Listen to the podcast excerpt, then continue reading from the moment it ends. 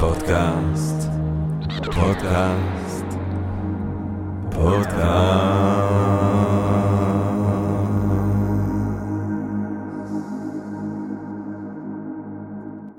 טוב, ברוכות וברוכים הבאים, גבירותיי ורבותיי, לפודקאסט של Think and Ring Different. אני ג'רמי פוגל, ואנחנו רוצים קודם כל להודות לעצם היש. לעצם היש, ליקום, לקיום שמאפשר לנו להיפגש כאן בנחת, להרחבת הרוח, לרוממות הרוח, לנשגב, לכל מה שטוב, יפה, עמוק בעולם הזה. ואם כבר כל מה שטוב, יפה, עמוק אה, בעולם הזה, אז אה, הפרק היום, גבירותיי הוא על שירה, ולא סתם שירה.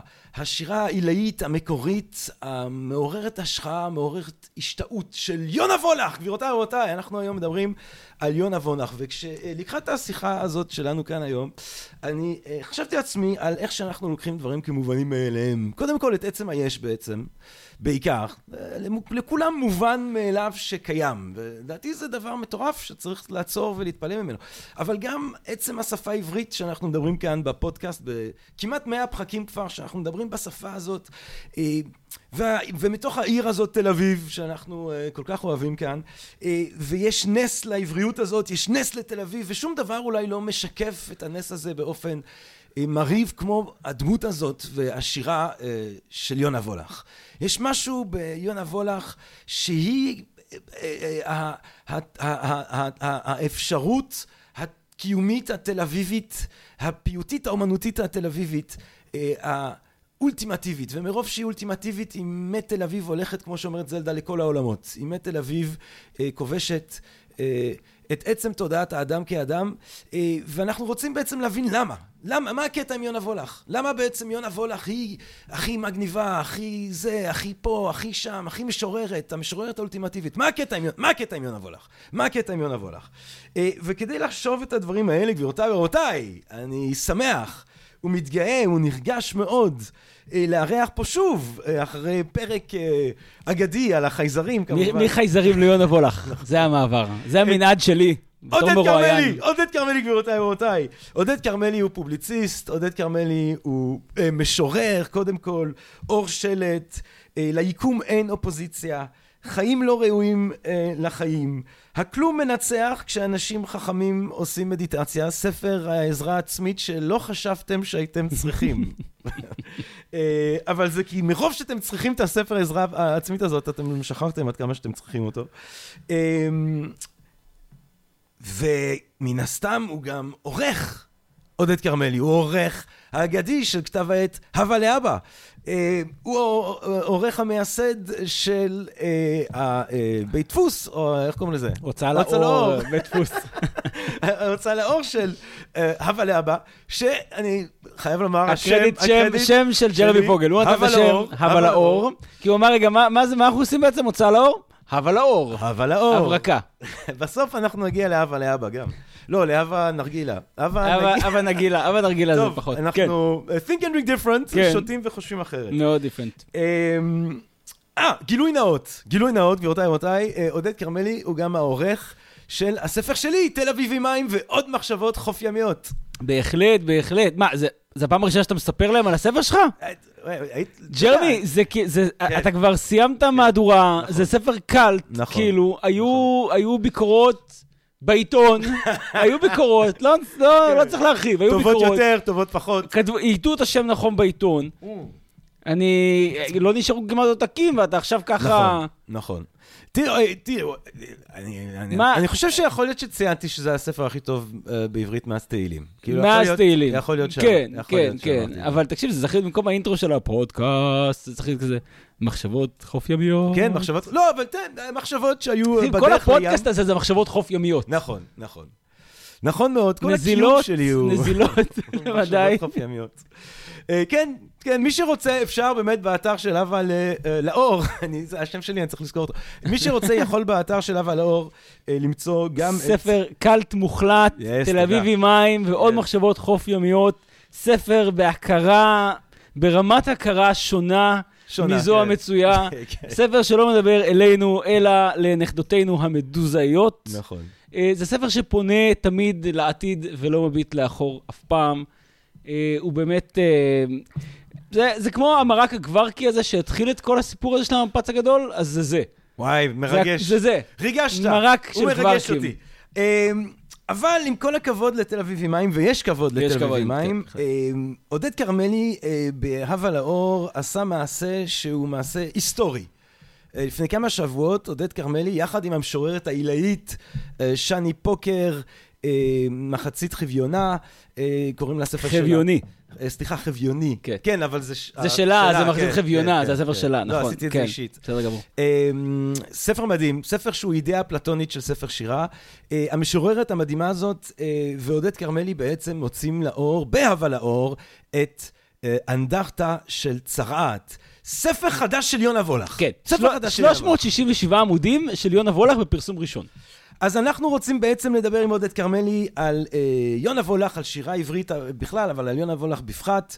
אה, די לקשקשת הזאת שלי, די, די, מספיק. אה, דיברת, ג'רמי, סתום את הפה שלך, אה, תקוף ישר בווריד הצוואר, כמו שאנחנו אוהבים לעשות בפודקאסט, ואני אשאל אותך פשוט, אה, עודד כרמלי, מהי שירה, מהי שירה עברית בעצם, מתחדשת? הדבר הזה שהוא נס, שירה עברית המתחדשת, מהי השירה העברית המתחדשת? מה זה? זה נס. כלומר, אתה, אתה אומר על הרבה דברים שהם נס, זה באמת נס. אני, אני אתה יודע, עכשיו אנחנו בתקופת הקורונה, ויש הרבה אה, ככה דיונים ביני לבין אבא שלי, שהוא אומר, בהתחלה חשב שהחיסון יגיע מהמכון הביולוגי נס ציונה, בקטע פטריוטי, כן. כאילו. עכשיו היה את הסיפור עם התרופה באיכילוב, כן. הוא משוכנע שזה תכף כובש את העולם. מה קורה בנס ציונה? זה, זה מגיע? כן, לא יודע, כן. עכשיו עושים לזה ניסוי בהודו או משהו, כי מספיק, אה, כן. כאילו, לשלב הקליני, מספיק אנשים מסתבר, בישראל צריך ללכת להודו, לא הבנתי. אמ, אז באמת אנחנו נוהגים, וזה בסדר, כן, זה גם סוג של פטריוטיות, זה, זה, זה נחמד, זה טוב, כל עוד זה לא מתדרדר לקיצוניות, זה מצוין, אני בעד. אה, אבל באמת, אנחנו הרבה חושבים שאתה יודע, החוף בתל אביב הכי יפה, והנשים בישראל הכי יפות, וכך הלאה. אה, כאן השירה העברית במחצית השנייה של המאה ה-20 היא באמת אולי לא השירה האוונגרדית ביותר בעולם, אבל בוודאי בטופ 3. זאת אומרת, מה שקורה כאן במטר על מטר התל אביבים האלה, בסיקסטיז, הוא פלא עולם. מה אתה אומר? אונסקו צריכה להכריז על השירה העברית החדשה כפלא עולם. זה נס חד פעמי, שגם כנראה לא יחזור על עצמו, אולי זה קורה פעם אחת בחייה של כל אומה, שיש לך אה, באמת בתקופה של, אתה יודע, 20 שנה, רשימה כל כך ארוכה, רשימה של all-stars, של כוכבים, שגם משוררים סוג ג' וד' בתקופה ההיא היום נחש, היו נחשבים לעילוי, פשוט כאילו, לרוע מזלם, הם נולדו בתקופה כל כך צפופה בכישרונות מטורפים, באנשים שפרצו גבולות של שפה ושל תודעה, ותחשוב שכאילו אדם כמו אה, מאיר ויזלטיר ב-67 עוד יכול לצחוק על אברהם שלונסקי. Mm. כן, זה נראה לנו כאילו פערי דורות מטורפים, אבל בעצם הם יודע, הם חיים אחד ליד השני בתל אביב. בוא נעשה סדר שנייה עם, ה, עם הקטע הזה של הדורות באמת. אוקיי. Uh, כי אנחנו חושבים אולי, uh, uh, שירה עברית מתחדשת, אז אנחנו חושבים קודם כל אולי אפילו עוד על uh, uh, uh, רחל המתוקה. רחל מתוקה. Uh, uh, uh, ומרחל ועד לאלתרמן, אנחנו בעצם מדברים על אנשים שמתחילים לכתוב עוד לפני שיש מדינה, נכון? בוא, בוא ניתן לך את גרסת כן. משרד החינוך, יאללה, כי זה פשוט לזכור, יאללה, כאילו, יש את התחייה, כן, כן, כאילו לפני זה לא הייתה עברית, ואז, אה, כן. קמה שזה... לתחייה, uh-huh. שלום לך. בוקר טוב. חזרנו לכתוב בעברית, כן. כמובן הנציג המובהק של, uh, של הדור הזה זה כמובן ביאליק, כן? כן. שאני דומה לו במובנים מסוימים, נכון. כך נאמר. כרמלי דומה פיזית לביאליק. אבל, אבל, תעשה תמיד, תעשה תמיד. אה, אה, עודד כרמלי, גבירותיי ורבותיי, דומה בול לביאליק, בול. ממש, כאילו זה, לא, לא לביאליק כמו שהוא היה נראה כפי שהוא היה נראה כשהוא היה חי, לביאליק כמו שהוא נראה היום, אחרי יותר מ-80 שנה של ריקבון בקבר. פשוט אותו הדבר. עם ההבדל היחיד שהשירים של עודד כרמלי באמת טובים. זה, זה יפה. עכשיו, את, אתם מבינים שככה הוא מציג אותי כאילו בערבי שירה, ואז אני צריך לעלות, והקהל לא יודע כאילו האם זה היה too much, כי הוא אמר שאני טוב מביאליק, כן. או שהוא בעצם אמר שאני דומה לגבייה מהלכת. זה לא ברור איך, כאילו, חוק הפיים. באופן כללי, הקריירה שלי בסטנדאפ, אתה היית עד לרגעים אה, מורכבים. כן. רגעים מורכבים. זה מחמאה, היא מחמאה אצל ג'רבי תמיד. אה, בקיצור, יש לנו את ביאליק, אה, כן, כן, דור התחייה. מלך היהודים, דור התחייה. אבל גם רחל אז מדור התחייה. אה, כן, רחל טיפה יותר מאוחרת, אחר כך יש את אה, דור היישוב, כן, שהנציגיו הבולטים ביותר הם אה, אלתרמן, שלונסקי וגולדברג, ואחר כך... ובמילה דואר היישוב יש לו איזושהי תמטיקה שהיא ייחודית לו... הם בעיקר מושפעים משירה רוסית, כלומר חרוז משקל כמובן, כן. טה-טה-טה, טה-טה-טה, טה-טה-טה, מרש צבאי כזה, אני, אני לא, קשה לי מאוד לקרוא שירים מהתקופה ההיא, למרות כמובן שגם שם היו עילויים אדירים, כן, לא בא לזלזל באף אחד, אבל אה, קורה, אם, תקשיב, אם אתה נכנס ליוטיוב ואתה שומע את, את אלתרמן או את לאה גולדברג, אתה קולט שהם מהגרים. הם מהגרים. כן, כן. הם מהגרים, יש להם מבטא. יש להם מבטא מגניב, אבל... מבטא, מבטא מדהים, וגם מדהים באיזו מהירות, אתה יודע, הם... אתה גם שומע את הסיגריה שלה, לא, היא מקריאה מדהים דווקא, תקשיב, הם נוחתים כאילו, הספינה שלהם הוגנת, ותוך שנה הם מפרסמים ספר שירה, זה לא ברור, כן. זה דור באמת של עילויים. תראה, אבל זה לא, הם יושבים על, זה כמו שאתה אומר, העברית אף פעם לא באמת נעלמה, הם יושבים על דור שעוד מאוד קרוב ללימוד התלמודי, למקחה, ל... כן, אבל תחשוב כמה... עברית. אתה יודע, שירה, אתה תמיד צריך להיות עם אוזן כרויה ל... מה זה לשפת הרחוב? לאופן שבו היא חיה ומשתנה, כן. וה... והעברית אז השתנתה בקצב הרי. היו מוטציות ווריאנטים. של שפה כל שני וחמישי, כן? כן. משהו, יודע, אה, זך כאילו צוחק על אלתרמן שהוא עדיין כותב סיגרית. אני שמעתי מישהו, אני שמעתי מישהו אה, מתבאס על הכביש וצועק חנטריש. אוי, חנטריש זה כן, טוב, לא שמענו את זה הרבה כן, זמן, חנטריש זה נהדר. קיצור, אמ, אחרי דור היישוב, דור המדינה, פשוט אנשים שנולדו אה, עם קום המדינה, או, זאת אומרת, סליחה, התחילו לכתוב, שכבר הייתה מדינת ישראל, ו... הדור הזה בעצם מתאפיין באיזושהי מרידה מודרניסטית מאוד מאוד גדולה, הפיכה, רצח אב, אם תרצה, אם אתה רוצה את המונחים, עברנו מתיכון לגילמן עכשיו, לאוניברסיטת תל אביב, רצח אב, אדיפלי. כן. אמ, זך מוביל את המהפכה הזאת כנגד אלתרמן. כן. כנגד המכניות הזאת. כן, זה לא רק חרוז משקל, לא צריך לשים את הדגש. זאת אומרת, הרעיון הוא שאפשר לכתוב גם שירה אזרחית. אתה יכול... אה, אה, להיות אינדיבידואל. להיות לא- אינדיבידואל, כן. אתה לא חייב כן. להיות נציג של הפרויקט הציוני ההיסטורי. ואתה גם לא צריך כאילו לגייס את כל כוחות הטבע בשביל להגיד לבחורה שאתה אוהב אותה, כאילו לא צריך את הרוח ואת הגשם ואת העצים ואת התבל ואת הקוסמוס, כאילו. כן. לא יודע, ואז בא זך עם שיר כמו... אה, כשנערתי אמרה לי לך, ירדתי לרחוב להתהלך, והייתי הולך ומסתבך, מסתבך והולך. זהו, אין שם כלום, ואתה מיד מבין את זה, כי זו פשוט שירה אזרחית. וואי, עדיין מאוד יפה. שיר נפלא. כן. אה, אתה יודע, בלי כל הפאתוס. כן. די עם הפאתוס. עכשיו, הדור של יונה וולך נחשב לדור המדינה, כן, גם אתה ואני דור המדינה, כולנו דור כן. המדינה, וכל עוד... כן. כל עוד זו אותה מדינה, כן. אנחנו לא צרפת כזה, לא רפובליקה חמישית, כאילו, כן, אנחנו כן. אותה מדינה. אותו משטר. אותו משטר. אה, וכולנו נולדנו, העברית היא שפת אימנו. כן. אה, חלקנו, כן, אני לא רוצה פה, בלי הכללות גסות. כן, לגמרי. עולה חדש. עולה חדש. אז, אז זה המצב, אבל אה, בתוך דור המדינה יש, יש מרידה שנייה, שהיא בעצם, כאילו עשר שנים אחרי שזך עושה את המרד... שזה איזשהו רגע דרמטי. רגע, זה ו... מפץ גדול, כן, זה המפץ הגדול של השירה כן, העברית. כן. והוא לא ו... לא סולח לו אף פעם uh, לזך. כן, יש שם סיפורים, כאילו, באמת, זה מפץ הגדול, ואז אני, אני אומר זך, אני מתכוון לשלישייה הזאת, שזה כן. נתן זך, יהודה עמיחי ודוד אבידן. Oh, הם, כן. הם השלישייה, אבל מי כן. שמוביל את ה... את ה את המרד, מי שבעצם דוקר כן. ראשון את הקיסר, כן. אה, זה זך. בקטע שלפני הפייסבוק, mm-hmm. אה, אני, זאת אומרת, אני חושב שבאמת בעולם הפייסבוק, ירידה של משורר אחד למשורר אחר, לא יהיה לו את המשקל שהיה לו בעידן ההוא. זאת אומרת, הרגע הזה שהוא באמת רגע כזה נורא, היום זה, היום זה, זה, זה, זה זך הצעיר עושה אה, אה, סטטוס בפייסבוק נגד אלתרמן, וזה עובר כאילו כן, מהר. תראה, אבל אין לך היום בכלל קטילות, כי אתה נכנס לפייסבוק, על מה קוטלים? קוטלים, אה, מישהו זכה בפרס והוא כזה, או כן. היא הייתה צריכה לזכות, כאילו, או... האם באמת זה אירוע, זה לא... ימין, שמאל, אשכנזים, מזרחים. לא, וואי, תקרא את המאמר של זך, זה ברוטל, זה כן. ברוטלי. זה, אתה מתכווץ בכיסא, זאת אומרת, יש סיפור מפורסם שאחרי שזך אה, מפרסם את המאמר, אה, אלתרמן קובע איתו אה, לשבת בבית קפה. אה, ואגב, מזמין איזה חבר למקרה שיסתבך, כאילו, ברמה הזאת כן. של כאילו פחד, כאילו. ואז הוא אומר, פונה אליו, מביט לו בעיניים ואומר, מה, אלתרמן, כלום, כלום, כלום, כלום, זו שחיטה, זו שחיטה מוחלטת. כן. הוא אמר, אין, אין שום דבר טוב באיש הזה, הוא פירק אותו לגורמים, ואמר, שירתו לא שווה את הנייר שעליו הוא מודפסת. עכשיו, כן. זה אלתרמן, הוא, הוא מלך כן. מלך השירה העברי באותה תקופה הוא גם אדם חזק בצורה בלתי רגילה, כן. גם במוסדות השלטון. תקשיבו, אתם יודעים מה? אולי אני, אני, אה, אני מאוד אוהב את אלתרמן. גם אני, אני רוצה, יאללה, אני מכחיש שיר של אלתרמן. קדימה. מכחיש שיר של אלתרמן. ג'רמי פוגל מקריא אלתרמן. שדרות בגשם. באור ובגשם העיר מסורקת, היפה באמת היא תמיד ביישנית. אלך נא היום עם בתי הצוחקת, בין כל הדברים שנולדו שנית. הנה הזגוגית, שמה צלול משמותינו, ומי בקיפאון הרהורה יעבור. על קו מפתנה, כעל סף נשמתנו, הרעש נפחד מן האור. הנה הברזל, האליל והעבד, נפח הימים הנושא בעולם. הנה בת שלי אחותנו האבן, הזו שאיננה בוכה לעולם. גבהו בימינו האש והמים, אנחנו עוברים בשערים ומראות, נדמה גם הלילה הוא נהר היומים, אשר על חופיו ארצות מוארות.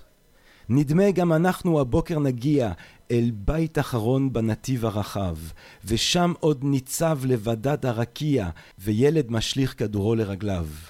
באור ובמטר השדרה מסורקת, דברי ירוקה רעשי, ראה אלוהי עם בתי הצוחקת, אני מטייל ברחובך הראשי. עירי הפחומה, שמלתה מרוכסת, חיוך הברזל והאבן עוד שט. הללו אינם שוכחים את החסד של מילת אהבה אחת. אלתרמן, כאילו, זה, לא, זה שיר מדהים, זה שיר מדהים. אני לא, אני, תקשיב, אני באמת האחרון. אה, אה, ראה אלוהי עם בתי הצוחקת, אני מטייל ברחובך הראשי, זה הכי כאילו... זה כן, אבל אתה תבין מה, מה, מה הייתה הביקורת, כאילו, העמוקה כנגד הדברים האלה של... אתה מטייל בנורדאו, אתה מטייל כאילו באלנבי, כן, אתה לא ברחובו הראשי של אלוהים, אתה ברוטשילד עכשיו, ואתה לא צריך את האש ואת המים ואת אלוהים. איפה הרחוב? איפה השדרה כאן? איפה, איפה בתך צוחקת? לא, לא, זה קטנוני, אה, הוא יושב 아, אה, שם. 아, אה, אני מבין שזך רצה... אצל אלתרמן יש מהלך תמיד של הרחבה. המבט תמיד נפקח. תמיד נפקח ועוד יותר נפקח ועוד יותר נפקח, וזו אקסטזה מדהימה, ולפעמים אתה מרגיש בסוף השיר שאין לך... משהו קונקרטי ביד. אני מרגיש ש... שזה דווקא זה השיר הכי אינטימי, הוא מחזיק את היד הקטנה של הבת שלו. כן, ו... את היד הקטנה של הבת שלו, ואלוהים, וערים מוארות רחוקות, וכאילו האש והרוח והמים, וכל התבל כולה שמחה כי ירד קצת גשם ברוטשילד. עכשיו, אני לא אומר את זה לגנאי, ואני לא אומר את זה לא, כדי לזלזל. לא, לא, חס וחס. מה שאני בא לומר... זה, זה שירה, הוא מח... סליחה, אני, אני, אני מתנגד לביקורת הזאת. ותדבר עם נתן, דבר עם זך, לא, כאילו. לא, אבל הוא, גם הוא מתנגד, הוא רצה, אה, הוא עשה את ה... הוא היה צעיר, הוא בא לעשות, הוא שם פצצה במשרדים של אליקון, אתה יודע, ואני אומר שזה סבבה, זה סבבה. אה, אני חושב שמה שזך... זה שיר מדהים, זה שיר מדהים, באמת, הוא הולך ברחוב הראשי של אלוהים. שיר ענק, כאילו. אלתרמן משורר ענק. שאנשים יתחילו ללכת ברחובות הראשיים של אלוהים עכשיו, אה, עכשיו, כולם. זך הולך, כל השירים שלו מתהלך. זך גם הולך ומתהלך, אגב, בעקבות אלתרמן, פשוט הולך בצורה מאוד שונה. שעה שאלתרמן מושפע כמובן משירה רוסית, מהפתוס הרוסי, מהמומנט הרוסי הזה, זך וחבריו מושפעים משירה אה, אנגלו-סקסית, כן. מאימג'יזם, כן. מאומות הצמצום, גם אגב מש, משירת ההיקוי יפנית באמת, כן? הם מנסים להבין איך אפשר אה, אה, ללכוד את הרגע בטיפת מים, כן. במריצה אדומה. או במקרה של זך, כשנערה שלו אומרת, אה, עוזבת אותו, כי אומרת לו, לך, הוא פשוט יורד לרחוב להתהלך והוא הולך ומסתבך. וזהו, זה כל משחק מילים, הולך ומסתבך. וכל אחד שאי פעם עזב בית של אהובה יודע מה זה אומר. כשאתה יורד לרחוב ואתה הולך ומסתבך, וזהו, אתה לא יודע אם זה הולך ומסתבך בערב, או הולך ומסתבך כל שאר החיים שלך, אבל אתה הולך ומסתבך. לא צריך לגייס את אלוהים, לא צריך ערים מוארות רחוקות, לא צריך את ניסיונות הטבע. אה, בעצם שמו כן, אבל למה אתה כועס? למה אתה לא- כועס? לא, אני אומר לנתן זך. אה, למה אתה כועס? אוקיי. תכתוב אחרת, למה אתה כועס? תראה, האמת ש... גם פה ספציפית זה שיר מאוד אינטימי, אז זה לא מייצג אולי גם את כל העניין הפוליטי שקורה וזה. אנשים לא כל כך מודעים לזה, אבל הקרע הנורא בין אלתרמן לזך התחיל דווקא מהכיוון של אלתרמן. האדם שזרק through the first punch היה אלתרמן. אה. כי זך הגיע, זה סיפור שלא לא מספיק מכירים לצערי. זך הגיע, זך הצעיר מאוד, כן, לדעתי הוא היה איזה בן 24 אולי, עוד לא פרסם ספר ראשון. אה, הוא בא למסיבת בית. אה, לא אצל אלתרמן, שכחתי אצל מי, זה היה מסיבה, בעצם חגגו את אה, צאת ספרו של אלתרמן, עיר היונה. כולם היו נורא נורא שיכורים, אלתרמן וזך מן הסתם הכי שיכורים. זך גם הקיא עוד קודם לכן מהמרפסת על השכנים שם, על הכביסה שלהם. אה. וכל אחד, כן, קלאסי, ואז כל אחד כזה קם מברך ועניינים, אלתרמן, אה, זך יושב בצד שותק, לא minding his own business, לא עושה שום דבר רע.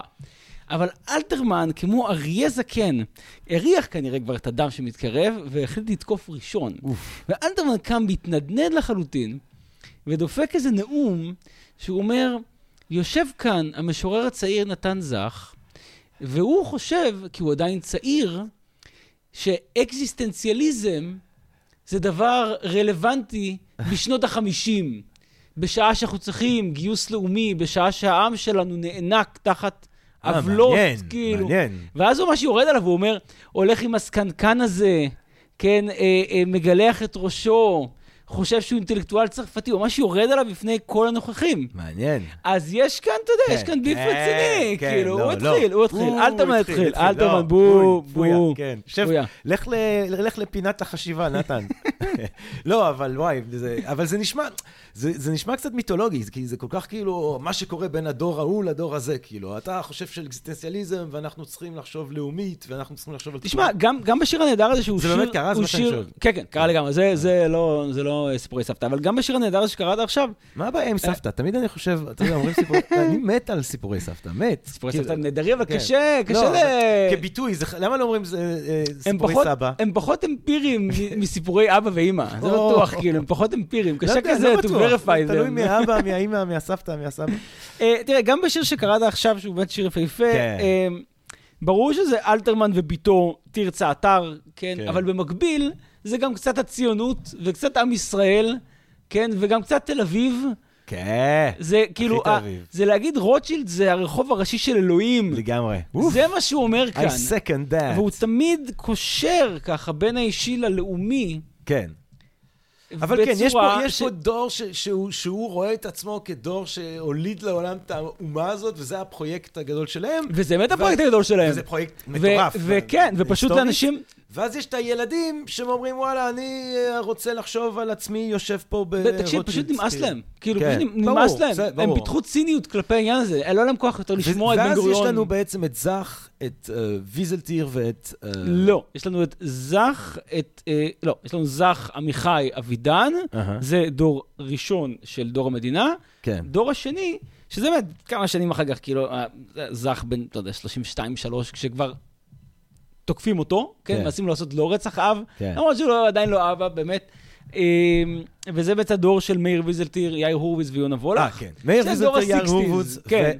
ויונה וולך. כן, אז בעצם, מי שהיה הזך של החבורה הזאת זה ויזלטיר, הוא זה שתוקף, אה, והוא בעצם אומר לזך, תקשיב, המודרניזם שלך, הוא לא, לא רציני, הוא לא עד הסוף. כאילו, מה, אתם... מה, מה זה רוצה להגיד? מה זה מודרניזם? יש לו משפט יפה שהוא אומר, אה, הוא אומר על אלתרמן, אה, על, על, על, על, על זך ובני דורו, אה, הם לא שחררו את הסוסים מהאורווה. Mm. הם לא שחררו את הסוסים של הנפש מהאורווה.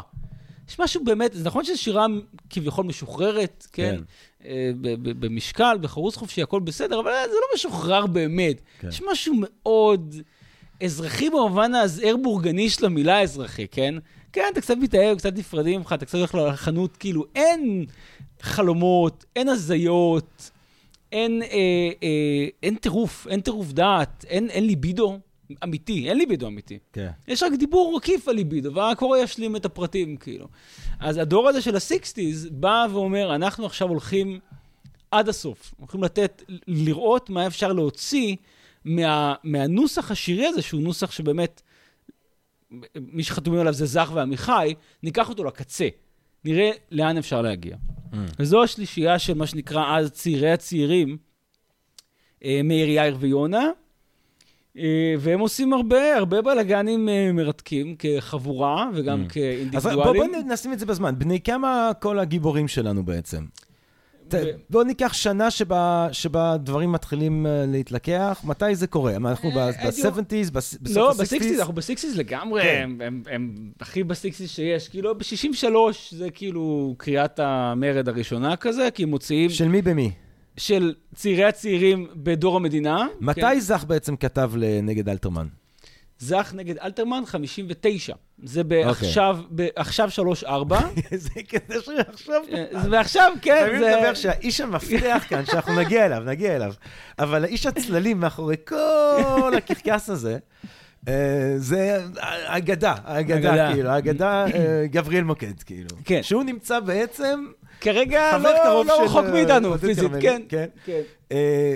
והוא בעצם נמצא ברקע של כל ההרפתקה הזאת, בקטע הזוי, עוד אז ב-59. הוא המציא את הביטוי דור המדינה, זה המונח שלו. דור המדינה זה מונח שלו, אז משרד החינוך להתחיל להעביר תמלוגים לגבריאל מוקד, בבקשה. כן. אז כן, אז בעצם המאמר המכונה הזה... שהוא היה עורך כבר אז בעצם, כן, הוא ערך את עכשיו. שאותה הוא הקים עם אבידן, אני חושב.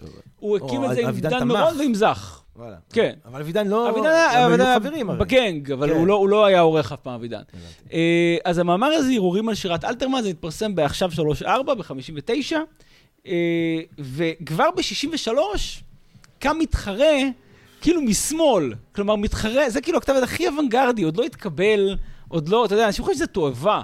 אנשים משוכנעים שמה שאבידן, עמיחי וזך כותבים זה ניאליזם. Mm.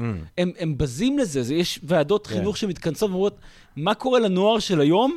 וכבר ב-63, קיימים להם מתחרים שאומרים, טוב, אתם ממש, כאילו, עוד לא הגעתם, לא, לא, לא מגרדים את, את, את פני השטח של הדברים. כן. וזה קילטרטן, שזה כתב עת חד פעמי, אה, ששם בעצם מתמצקת החבורה הזאת של מאיר, יאיר ויונה. וואלה. ש... אה, אבל זה מעניין, כי אומרים תמיד ש... שהרוח של ה... שהרוח הביטניקית, אה, שהרוח. של הסיקסטיז הגיעה לארץ באיחור. אה, מסוים. באיחור מסוים, אבל... ב... אבל, אבל אתה אומר לי שכבר ב-63 הם, הם לחלוטין... הם היו, ב-63 הם כבר על חשיש כולם, ב-65 הם כבר בניסיונות LSD ראשונים. מה אתה אומר? כן, וואי, הם ממש כזה ב... כן, הם... cutting edge אוונגרד, אוונגרד. כן, יפה. כן, יש... יש acid ב-65 יש גם סיפור.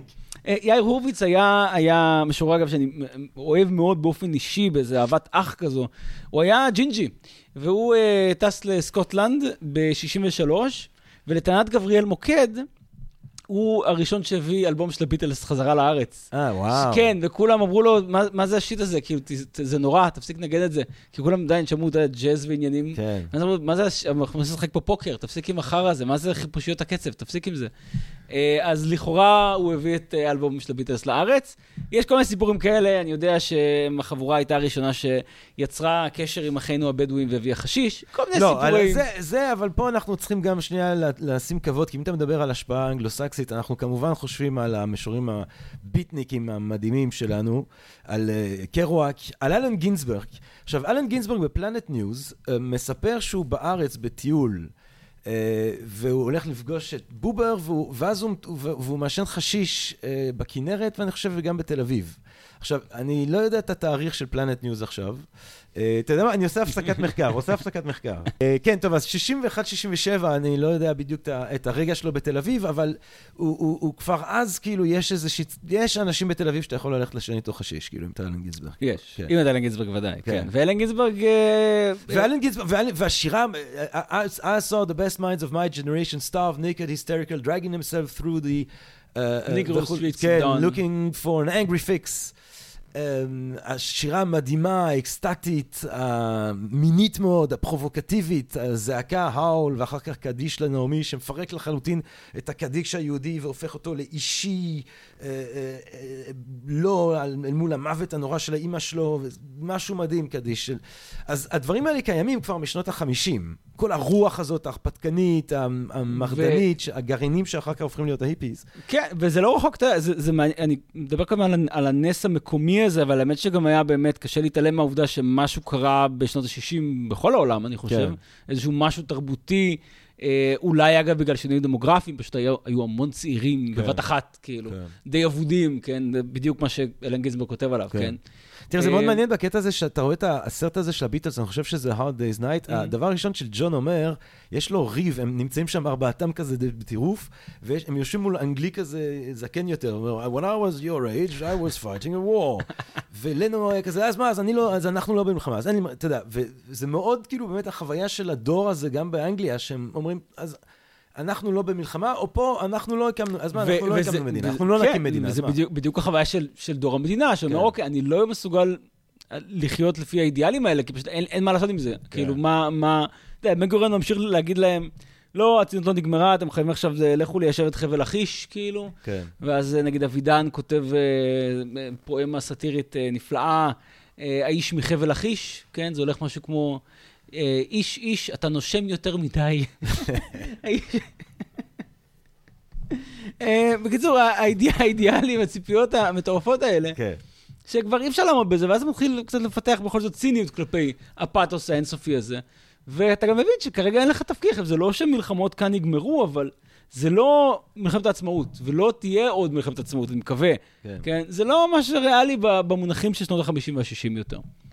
אה, אז, אז החבר'ה האלה, אני חושב, מרשים לעצמם אה, גם לא להיות מחויבים לשום דבר, יותר מעמיחי, זאת אומרת, לשום רעיון גדול, יותר מעמיחי, אבידן וזך, אם זה אפשרי, אה, אבל גם, ב... כי הם בכל זאת חלק מבני דורם בכל העולם, אה, להתנסות, mm. להתנסות בהכל, לצלול פנימה לתהומות הנפש, וזה עושים מניו יורק ועד מוסקבה, וגם בהחלט בתל אביב. כן. והמרכז הזה שנוצר, המרכז הרוחני-ספרותי שנוצר בתל אביב, לא נופל בתקופה ההיא, לא מהמרכז במוסקבה ולא מהמרכז בניו יורק, וגם הם מכירים בזה, כלומר, יש לך קשרים ענפים, למשל, בין הביטניקים לבין משוררי דור המדינה כאן. כן. אה, גם בביקורי גומלין למיניהם וגם בתרגומים למיניהם. זך, אבל זה זך שמתרגם את גינזברג.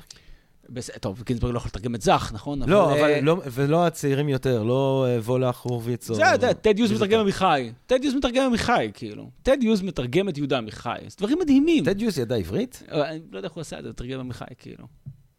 צריך לבדוק את זה? בוא נבדוק את זה. מה? לא, הפסקת מחקר? הפסקת מחקר.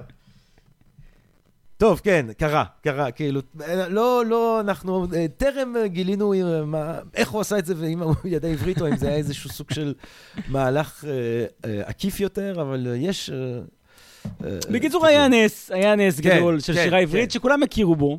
אה, אגב, אני חושב שזה באמת יכול, אתה יודע, בחיים של אומה זה יכול לבוא פעם אחת, כאילו, כן. באמת רק פעם אחת, זה משהו שאי אפשר לשחזר. זה באמת הדבר המסתורי הזה שיש רגעים שבהם התרבות מתלקחת, אני... האתונה של המאה החמישית. בדיוק. מה זה האתונה של המאה החמישית? אתה יודע, אייסקילוס, סופוקלס, אוריפיידס, באותו ערב אחד נגד השני, פריקלס, סוקרטס. דיזנגוף 65, אתה יכול למצוא את מאיר ויזלטיר, יאיר הורוביץ, יונה וולך, יהודה עמיחי, דוד אבידן, אבות ישורון, נתן כן. זך, אהרון שבתאי, יעקב שבתאי, אתה יכול למצוא את uh, דליה הרץ, את דליה רביקוביץ', את דן פגיס, אני יכול להמשיך כל אחד משורר כן. ענק, כן. ענק. כן. גם סופרים ענקים, אגב, לקח להם באיחור קל, אבל גם כן הגיעו כעבור כמה שנים. סופרים פנטסטיים, והם כולם בעיר, בשטטל קטן, כן. באמת, תל אביב מזערית, אה, וכולם יושבים בכסית שם, בשולחנות נפרדים אמנם, כי הם בכל זאת משוררים חייבים לריב, אה, אבל כולם יושבים באיזה סיר לחץ מבעבע כזה. ובתוך כל הטירוף הזה, אה, איכשהו יונה וולך בתודעה הציבורית הישראלית, היא אולי מסמלת את התל אביביות, את התל אביביזם, כמו שאני להגיד. שזה מצחיק, כי היא חיה בתל אביב אולי שנתיים. כן. אולי שנתיים היא חיה בבן יהודה 69. אז מה, אבל מה, מה, חזרה... וגם אולי הכי קיצונית והכי הכי מרדנית, אתם כולם מורדים, כולם גברברים שרוצחים את אבותיהם, אבל עדיין זאת יונה וולך שהיא... היא כאילו השאירה את החותם אולי... מה, מה, מה, מה, מי? מי זאת יונה וולך? מי זאת יונה וולך? אני אחלק את התשובה שלי לשני חלקים. כאילו, מבחינת הפרסונה של יונה וולך, שזה בכל זאת פרסונה מאוד חזקה. כלומר, כן. אתה עכשיו נכנס למונית, שואל על משוררים, יגידו לך ביאליק ויונה וולך. זה כן, ברמה הזאת. כן, כן. אה, אני חושב שיונה... אני אקרא לה יונה, יש פמיליאריות מסוימת. שנתיים אני עבדתי על הספר. זהו, כן. די, יונה. עבדת על הספר. יונה. אה, אני חושב שיונה היא מהאנשים הבודדים אה, בישראל ובכלל, שהקדישו את עצמם לאומנות. זה נשמע מוזר מה שאני אומר, אבל היא לא עשתה כלום חוץ מזה אף פעם, שום כן. דבר. היא לא עבדה יום בחיי, היא עבדה כגננת בגן ילדים איזה חודשיים, וזהו. אה. היא לא עשתה כלום. עכשיו גם... מאיפה היה, מאיפה היא יכלה? אה, אבא שלה נפל במלחמת העצמאות, לכן היא הייתה יתומת צה"ל. זה היה... היה לה פנסיה, כאילו. היה רנטה נחמדה מהמדינה, כן. אבל כשאני אומר כלום, אני חשוב להדגיש את זה, כלומר, שום דבר. גם, uh, אתה יודע, אתה יכול להגיד, בן אדם עושה רק, uh, עוסק רק בחיי רוח, אבל יש לו פרויקטים ציבוריים, אתה יודע, ביאליק עושה עונג שבת, כן. אלתרמן... אה, טוב, ביאליק הוא מנהל את העיר, כאילו. מנהל את העיר, נכון. יונה וולך לא עשתה שום דבר, היא כן. הקדישה את חייה לשירה. כן. היא הקדישה את חייה לשירה. אתה חושב שזה דבר גדול? זה, איזה דבר ענק זה לעשות? היא, היא טרקה את הדלת בפני החיים, טרקה את כן. הדלת. היא אמרה, חיים לא נכנסים לכאן. לא תהיה לי משפחה, לא תהיה לי עבודה, בהרבה תקופות גם לא תהיה לי פרנסה. אני כותבת שירים. כן. זה מה שאני עושה. זה דבר שקודם כל, כל כן. אדם מן היישוב מביט בזה ואומר, גם אני רציתי לעשות את זה, על משהו אחר אולי, אבל אני, לא היה לי את העומס, לא היה לי את הביצים לא לעשות את זה. לא הלכתי עד הסוף, כאילו. כן. כן. חשבתי, אולי אני יכול לדילן, אבל אה, לא, בסוף לא עשיתי את זה, בסוף לא. לא קרה. היה קצת קשה, אני קצת רעב, אמרתי, הולך לעבוד, והתדרדרתי. כן, התחלתי לפחד, וזה הגיל. והנה אני, פחות. כן. אמ, אז זה החלק הראשון של התשובה. החלק השני של התשובה... אבל מתי, איפה היא נולדת? מתי... אה? היא אה, באה לעולם ב-1944, mm. אז, אני חושב שזה היה עדיין כפר אונו, לא בטוח מתי זה השתנה לקריית אונו, אבל בכל מקרה בקריית אונו. אמ, אביה מת במלחמת העצמאות, אה, כשהייתה בת ארבע, שזה גם תמה חוזרת ונשנית, והיא בעצם חיה עם אמה ועם אחותה. אה, היא מתחילה לפרסם בגיל צעיר ההורים שלה צברים? לא, עולים חדשים, עולים חדשים. מאיפה? נו, מאיפה? יונה וולך. לא יודע, תגיד לי. וולחיה. וולחיה, היום זה רומניה. היום זה דרום רומניה, חבל וולחיה. אה, הייתה איזה, אני יודע, ממלכה עתיקה בימי הביניים. צור יונה אה, גדלה לה עם, באמת עם הצל, זה לא סתם שאבא שלה נפל במלחמת העצמאות, אבא שלה נפל במלחמת העצמאות בצורה, מיד אחרי הפסקת האש, ובצורה ברוטלית למדי, כלומר הליגיון שם עשה, עשה שמות בגופות שהיו, uh-huh. אה, לא רחוק אגב מקריית אונו, uh-huh. והיא גדלה עם השמועות האלה של מה עשו לגופת אביה. כן. וזה גם חוזר ו- ומופיע בהמון שירים, אתה יודע, יונתן, השיר המפורסם, כן, שמורפים כן. לו את הראש, היא תמיד רואה ראשים כן. ערופים שם. אה, אז זה כל הזמן חוזר לא, לאותה, לאותן שמורות שהיא שומעה בתור ילדה כן. בקריית אונו. אה, אבל בגיל מאוד מאוד, זאת אומרת, היא מיד, אה, אתה יודע, דרופ אאוט מיד, כאילו, תיכון, בתיכון, בתיכון חדש מסלקים אותה. כלומר, אני לא יודע כמה המאזינים שלנו מודעים לזה, אבל הייתה את הבחורה הכי מגניבה ever בהיסטוריה של ישראל, טוני הלה, שניהלה את תיכון חדש, שהיה התיכון הכי ליברלי, והיא סולקה משם, היא סולקה מתיכון חדש. זה, זה, זה אומר משהו. אה, גם באקסטרני היא לא מצליחה, כאילו היא מהר מאוד בעצם לא, לא עושה, אין לה תעודת בגרות, אין לה אופק לשום דבר, עובדת קצת כגננת איזה יומיים וחצי. וזהו, פה נגמרת יונה וולך האזרחית, כן? כן הנורמלית. כן, כן. זה יונה וולך הבורגנית. גננת, חודשיים, אקסטרני. מבחינת, אתה יודע, משרד הרווחה או הבריאות, או ה... זה, זה מה שזה, ככה זה נראה מבחוץ. ככה זה נראה, זה נראה כן. מבחוץ. כן. זה מסתיים בגיל כן. 20. Uh, הראשון שמגלה אותה הוא מקסים גילן. Uh, אבל ממתי היא כותבת בעצם? היא כותבת בגילי, אה, אני בא להגיד גילי תיכון, אבל כל כך לא היה תיכון, אבל כן, 16-17. אה, היא כמובן טוענת שהיא כתבה הרבה קודם לכן, אבל עוד לא, אין, אין איזה כל כך סימוכים. כלומר, עברתי כן. עליה בחברות בית ספר, ולא לא היה שם איזה משהו מיוחד, כל מיני דני מואבי וכאלה, אבל לא משהו מעבר לזה. אה, יש הרבה דני מואבי, כן, היה איזה דני אחד. אה, הראשון שמגלה אותו הוא מקסים גילן, גם כן דמות מיתולוגית שראוי להקדיש לו לפחות פרק אחד בפודקאסט. היא בעצם, השירים שלה גם מתקבלים בהתחלה לפרסום בכתב העת עכשיו, אבל בגלל שזה גבריאל מוקד, הכל מתמהמה קצת, אז גילן כאילו חוטף אותה, מפרסם אותה קודם, אז הזכות ההיסטורית הולכת למקסים גילן. אמ, אבל היא הופכת להיות שם דבר בח... בקליקה הזו, זה כאילו נסיכות, צריך להבין שזה נסיכות. איזה נסיכות דיזינגוף, שקיימת בשניים וחצי בתי קפה, ושם מתחילים למלמל את השם יונה וולך כמעין איזה לחש מגי. אה. יש איזה יונה וולך אחת. כן. והיא עושה משהו אחר. יש משהו עם השם הזה גם? השם הזה ממכר. יונה וולך. ממכר, הוא ממכר. יונה וולך. הוא מכר, והיא משחקת עליו כן, כל הזמן, כמובן. שם מדהים, יונה וולך, יונה וולך. יונתן, כל שירי ציפור, כן. הכל היא משחקת על זה. אמ, אבל אתה יודע, היא לא, זה גם, צריך לזכור את זה שאנחנו חושבים על יונה וולך, האמת שרוב, רוב עם ישראל שמע את השם משנותיה המאוחרות מאוד. בשנות ה-80, היא עשתה, היא, אה, היא בעצם יצאה מהארון עם סרטן. יונה וולך חולה בסרטן, היא מאובחנת ב-81, והיא מתראיינת על זה, היא מדברת על זה, היא מדברת על כימותרפיה, היא מראיינת אותה בטלוויזיה, היא כותבת שירים כן. מבית החולים תל השומר, זה מתפרסם בידיעות. אצל מני פאר. לא, יש, יש, יש איזה יוטיוב? יש, לא, יש מאיר שלו. מאיר שלו. מאיר שלו, כן. מאיר שלו. היא אומרת, אני לא חולה בסרטן, הייתי מעדיפה להגיד מחלימה מסרטן. כן. אה, אני חושב שהיא הגיעה לתודעה הציבורית, רעיון איקוני. כן. היא הגיעה לתודעה הציבורית הרחבה דרך הסיפור הזה, דרך למשל התמונה המפורסמת עם תפילין, כן. שזה גם כן, זה רעיון שהגיעו כן. לשאול אותה על הסרטן. ואז זה, זה נגמר בתמונה עם התפילין, כאילו, אוקיי? אז אני חושב שככה היא הגיעה לתודעה הציבורית הרחבה. ועכשיו נגיע לחלק היותר מעניין עבורי. שהוא השירים שהיא כותבת. כן, כן. השירים שהיא כותבת. כן. יונה וולך, יונה וולך לא בגלל פרסונה ולא בגלל אה, אה, אה, אקזיביציוניסטים, אקזיביציוניזם אה, של מחלת הסרטן, אה, ולא שום דבר אחר, ולא בגלל מין ולא בגלל סמים. יונה וולך היא כותבת כמה מהשירים היפים ביותר שנכתבו בשפתנו, שהיא די עתיקה להזכירך. כן. אה, ואף אחד לא יכול לקחת ממנה את הזכויות הללו. מדובר ב... משוררת אוונגרדית עד הסוף, שבעצם יוצאת בתחילת הדרך למסע, למסע להיות אלוהים. היא מנסה להיות אלוהים. Mm. היא חייבת לדעת הכל, היא רוצה להבין הכל. Mm. ב-65 היא מתאשפזת מרצונה החופשי בבית חולים פסיכיאטרי, טענת האשפוז, אני רוצה להבין מה זה שיגעון. Mm. אחר כך גם, אנחנו מגלים שהיא גם רצתה לקבל את הטיפול הניסיוני ב-LSD, שהיה אז חוקי, והיה שם איזה דוקטור שטיפל בזה, והיא שמעה על זה באיזה מסיבה בתל אביב. אבל לא חשוב. בחורה בת 21, מעולם לא עזבה את בית אמה, אורזת מזוודה, עולה לאוטובוס של אגד, טוק טוק, דפקה בדלת בבית חולים פסיכיאטרי, אני רוצה להבין מה זה שיגעון. כן. קח את זה רגע בפרספקטיבה. לא, חשבנו, חשבנו. זאת מישהי שהגתה, כאילו, היא חשבה על זה, כן, כן. אמרו לה, לא, לכי, היא אמרה, לא, לא, כן. אני לא עוזבת עד שאני מבינה מה זה שיגעון.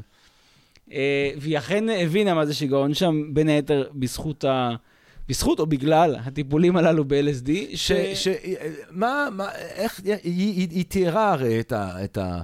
היא כותבת על ה-LSD, אבל מה, מה בעצם, זאת אומרת, אני מנסה לדמיין את המצב שאתה עושה LSD לפני שהאנושות עוד לחלוטין מבינה מה זה. זאת אומרת... אין להם מושג, אתה מבין, כן. אתה, כאילו, תחשוב שיש המון שנים של תיאורים שאפשר בדורות האלה לבסס את החוויה הזאת, אבל אז אתה איזשהו משהו שהוא... ואתה עם רופא, ואתה... אה, זה, זה עשה לה... זה היה אולי קצת too much. זה היה הרבה יותר too much. אתה רוצה שנקרא, אתה אומר, אני מנסה לתאר, אתה רוצה שנקרא לך איך היא כותבת את זה? כן, כן, בוא. אוקיי, אה, זה מתוך הספר. לא, מתוך הספר. זאת אומרת, אתה הולך להקריא משהו שלא ראה אור עדיין. שלא ראה אור עדיין. זה, אה, הספר בעצם עוסק בטרילוגיה של מחזות שהיא כותבת בשם אנדרטה של צרעת, אבל בנספחים... כללנו את כל מה שהיא כותבת לתיאטרון. זה מתווה למחזה שהיא לא, לא כתבה, זאת אומרת, היא לא השלימה את זה אף פעם. אה, היא כותבת את זה ב-65, שוב, בת 21, היא מיד משתחררת מבית החולים הפסיכיאטרי והיא כבר כותבת את קורותיה שם. אני אקרא את ההתחלה, כי תהית איך זה. פה היא כותבת שהיא בת 19, אבל היא בעצם בת 21, אתה יודע למה היא... בחורה צעירה בת 19 מכניסה עצמה, אה, סליחה, המחזה נקרא בתי המשוגעים שלי. Mm. בחורה צעירה בת 19 מכניסה עצמה לבית משוגעים מתוך צורך להבין מה קורה לאנשים סביבה, לה ומתוך סקרנות. יש לה הרגשה שתמצא שם תשובות לשאלות. היא באה עם ספרים, כלי ציור, מכון כתיבה. הרופא שהיא פוגשת שם מבין אותה כאומן, כפילוסוף, נותן לה חדר לבד בלי טיפול, וכל התנאים להיות שם כרצונה. מנסים לשכנע אותה לצאת משם, אבל היא אומרת שהיא לא מבינה ולא תצא עד שתבין. יש לה ספר, סמים ונפש האדם, והיא מדברת עליו עם הרופא שלה. הוא אומר שיש לו בבית חולים מסקלין, בסוגריים LSD טבעי, ושואל אותה אם היא רוצה לנסות. בינתיים הכל נראה נורמלי, זו מחלקה חצי פתוחה, והכל שקט פרט לקטטוני אחד שיושב בלי תנועה, או נעמד ומרים יד וכופה כך למשך זמן ממושך. היא לוקחת כדור מסקלין ומחכה, כלום לא קורה. והיא חוזרת לרופא ולוקחת עוד כדור, כלום לא קורה, והיא חוזרת לרופא ואומרת לו שהיא עמידה בפני השפעת הסם, כי היא רגילה לשתות משקאות חריפים. והוא נותן לה עוד כדור, כך שמונה פעמים. Mm. אחרי כן, הוא נותן לה זריקה, הוא נותן לה זריקה של הסם הזה. היא יושבת עם אחת החולות מדברת איתה כשהיא מבחינה שלצל יש צבעים. כן, זה, זה, זה אוי, כן, אוי. זה אי אפשר. אני קראתי את התיאור הזה ואמרתי, זה בן אדם שדפנטלי עשה LSD. כן. והרבה מאוד LSD. לא, וגם הקטע של מה, זה לא עולה, זה לא עולה, זה לא עולה, אני, לא- אני עמידה, כי אני שותה אלכוהול. אנחנו... טוב, לא יודעת כמה צריך להרחיב על זה, אבל, אבל, אבל אה, בוא נגיד שתמיד לחכות לראות מה קורה. תן לזה דקה, תן לזה דקה, ורצוי 40 דקות, כן. וכאילו הרופא היית גם צריך לתת לזה 40 דקות, מינימום. רק עכשיו, נו, תמשיך, זה מדהים. תמשיך קצת. בשמחה, בשמחה. היא צוחקת, והבחורה אומרת לה, מה קרה לך? את נראית משונה. היא אומרת שהיא רוצה לשתות משהו ויוצאת. היא יושבת לשתות ומתעוותת, היא מרגישה מורעלת. היא קמה, זה עובר לה, ונכנסת לחדר של הרופא, מסתכלת על כתב ידה, ומנסה להבין מהו כתב ידה. היא מביטה מהחלון החוצה, ונשטפת בתחושה של יופי עצום. היא מתחילה להתרגש, יוצאת החוצה, מביטה מבעד לחלון במסדרון, והיופי כובש ומרגש אותה. היא מתחילה לצעוד בהתרגשות גוברת והולכת, ופוגשת את הרופא שבא לקראתה. איזה יופי, היא מראה לו, אתה רואה איזה יופי? הוא מחייך. איתו החיות. הם נכנסים לחדר שלו, היא נכנסת בפינה מאחורי הארון ומבקשת ממחטות, היא בוכה עוד ועוד ממחטות. למה את בוכה? הוא שואל. מהיופי, יונה, כל כך יפה. רגע, עכשיו, עכשיו, זה, עכשיו יש פה אה, טוויסט מעניין.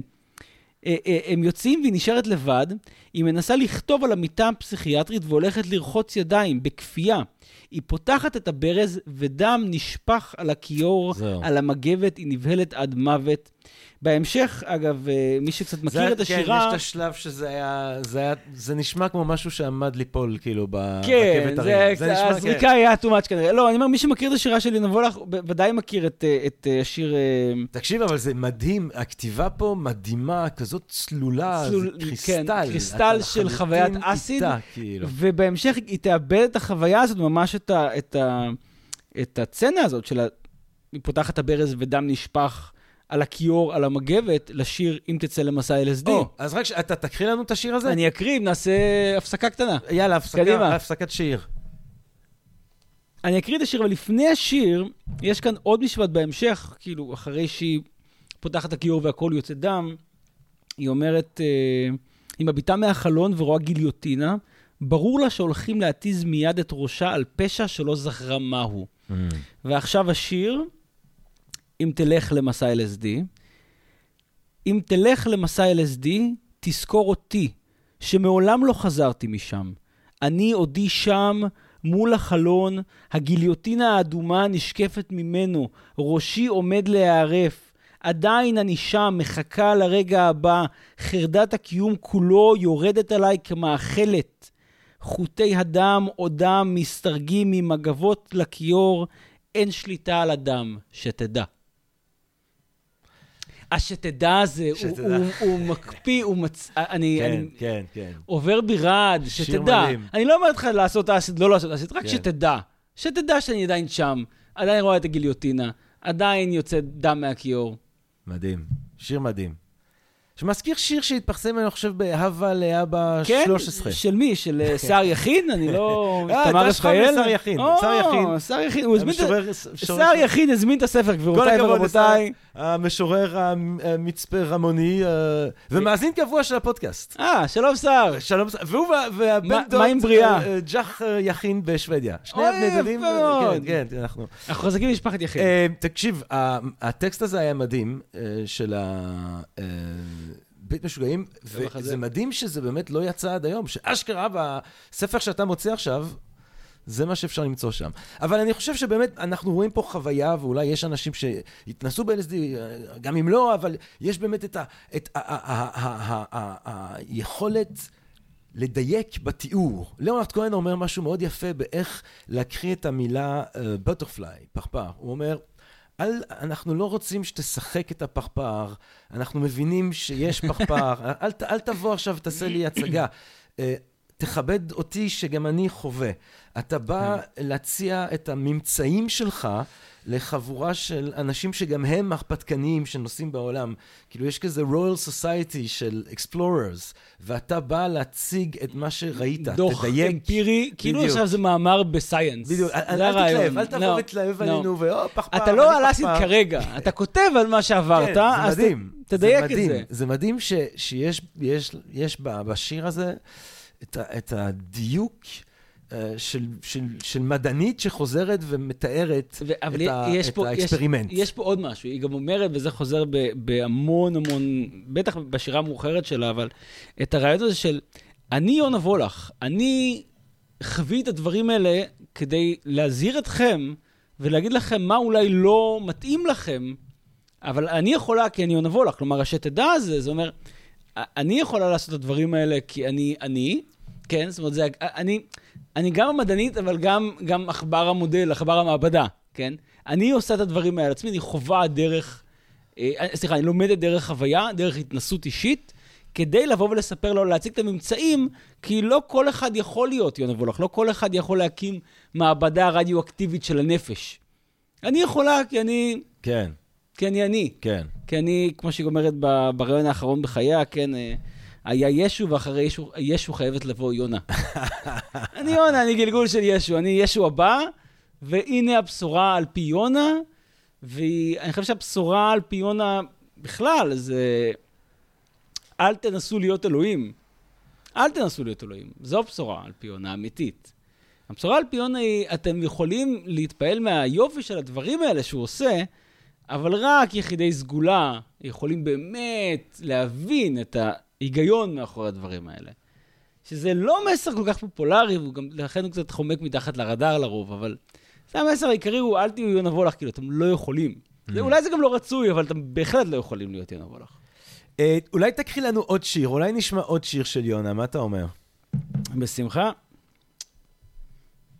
טוב, אני רוצה לקרוא שיר שהוא שיר מהמאוחרים של יונה, וזה לא סתם שיר, זה מניפסט Mm. מניפסט אנטי יונה וולך, או בעצם אנטי הניסיון הזה להיות אלוהים, mm. או להבין את הכל, להבין שיגעון, להבין את השיגעון מבפנים. אה, השיר הזה נקרא גם חלקים וגם האדמה הנהפכת, הוא מתפרסם פעמיים באיזה טוויסט של הגורל ושל ההיסטוריה. אה, והוא בעצם שלילה יסודית של העמדה היונה וולכית הקודמת. האדמה נהפכת וזה מצב. הטלה אומר כן, וזה מצב. האש לא מרוסנת, פראית, וזה מצב. המים שוטפים, וזה מצב, וזו אינה מטאפורה, אין בכלל מטאפורות, אין דימויים, אין כמו, אין דומה ל. ונהיה זה מכוח המבפנים, שיש כל הגורמים, כל הדברים שנהיה כמוהם, שישנם בראש, שיש להם תכונה שצריך להבין, אופי, שאם נהיים הם, משחקים אותם, מבינים מה הם ברגע ההיות, גם של השני הנכנס למקום הריק, ששם מרגישים את הרגשות שלו, אלא מה? אפשר לצאת מזה אם לא נהיו אדמה בינתיים ממש. Hmm. מה היא מנסה להגיד לנו כאן? כן? היא אומרת, תקשיבו, זה לא צחוק, כן? האש באמת לא מרוסנת, זה מצב. אני, אין דבר כזה דימוי, אין מטאפורה. כשאני כותבת אש, האש היא אש, היא מאכלת, היא פראית, היא לא מרוסנת. המים באמת שוטפים. הטלה, כשאני כותב את טלה אז הוא עושה כן, והוא באמת טלה שעושה כן. ואתם יכולים לכתוב את הדברים האלה, אבל קחו בחשבון שאין שליטה. כלומר, אם אתה עכשיו תנסה להבין טלה מדבר, להיות טלה מדבר, להבין את הכוח האמיתי של האש, אתה נשרף. כי העולם, היא אומרת, אתה יכול להבין אותו, אתה יכול להבין את האופי שלו, לשחק אותו, לגלם אותו, אבל כמו באיזה משחק אכזרי של כיסאות מוזיקליים, בזמן שאתה, ג'רמי, תהיה אש, מישהו יתיישב במקום של ג'רמי, ואתה לא תוכל לחזור להיות עצמך לעולם. Mm. אתה תראה דברים, אתה תרגיש דברים שישנו אותך עד היסוד. Mm. אז זה עוד שיר אזהרה, עוד כזה, שתדע. וזה עוד באמת LSD, שתדע. העניין הזה של הניסוי, כי uh, גם הרי ה-LSD בשנים הכה מוקדמות, במיוחד בארץ, באמת יש פה אלמנט של ניסוי. זאת אומרת, שוב, זה דבר אחד, אה, לכל מי שעושה סם אה, פסיכואקטיבי יש מסע. הניסוי, אבל זה פה, זה, מוקדם מאוד בהיסטוריה אה, של החומר הזה, וגם פה זה כאילו, כאילו שהיא שוב מעורבת בניסוי נפשי כלשהו. היא ניסתה משהו והיא מדווחת על התוצאות כן, של הניסוי. התוצאות, יש משהו נכון, מאוד מדעי, כאילו, מאוד מדעי, מאוד מדעי, זה פרויקט, ואני חושב שזה היופי של אה, אומנות אוונגרדית בכלל, היא מאוד דומה למדע. כן, זה ניסוי וטעייה, קודם כן, כל. כן. אתה באמת עושה את זה עכשיו, אתה אומר, אני לא יודע מה יצא. הרי זה היופי של אוונגרד, אוונגרד זה אני לא יודע מה יצא. כן. אני לא יודע מה תהיה התוצאה. וזה גם מדע, מדע טוב, מדע בסיסי. אומר, אנחנו הולכים למדוד את הפוטונים עכשיו בהילת, בהליוספירה, אנחנו לא יודעים מה יצא, כאילו. אחר כך נחשב על תיאוריות, אחר כך ינסחו את זה וזה יתמצק וזה יתגבש וזה בטקסטבוק, אבל כרגע אנחנו עכשיו מודדים אז, אז אם, למי שרוצה להתחיל ללמוד את המדע הזה, מדעי יונה וולך, אה, בוא נדבר קצת על, ה, על מהם היצירות שלה. מה, אה, המאזינות, המאזינים, זהו, השתכנעו, עפים, עפים על יונה וולך. עפים על יונה וולך. עפים על יונה רוצים אה, אה, אה, ללכת לדברים שהיא כתבה. מה, מה היא הוציאה? היא הוציאה הרבה לאור, היא הוציאה... היא הוציאה מעט, וזה גם כן סיפור אה, קצת בעייתי, אבל היא, הספר הראשון שלה יוצא ב-66, זה דברים, מוציא אותו ידידנו גבריאל מוקד. אה, בהוצאת עכשיו, אחר כך יוצאים שני גנים ב-69, עד כאן יונה וולך המוקדמת, אה, שני הספרים האלה, אחר כך מגיע האשפוז השני, הפעם פחות בתור התנסות, פחות מרצון, פחות מחלקה פתוחה.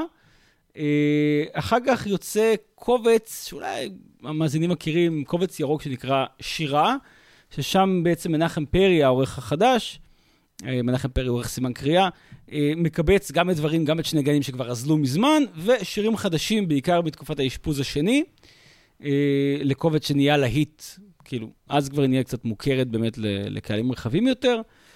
אה, ואחר כך, מנחם פרי חושב שהשירים המאוחרים של יונה וולך, אגב, כמו זה שהקראתי הרגע, לא טובים מספיק. הם נהיים פטפטניים לדעתו. הוא לא חושב שיונה וולך מדענית. כמו אגב, לא נבוא לך, אה, למשל, את התזה שהיא אה, פיצחה את, אה, את עניין האור, אתה בטח תתחבר לזה, ג'רמי, היא אמרה... כל פעם שאילם, שפרופסור אילם גרוס, כל פעם שהוא בפודקאסט אני מנסה... אולי לא, האור במהירות האור, כן. לא, לא אילם. רק האור, לא, האור נייח. האור נייח, כל השאר זז. בדיוק. כן. לא האור, אלא אנחנו נעים במהירות האור. כן. גבירותיי ורבותיי, ג'ון פוגל. אז יונה וולך אה, גם כן, כן עסקה, גם כן עסקה באור, והיא טענה אה, שאחרי אה, ניוטון בא איינשטיין, ואחרי איינשטיין בא יונה וולך.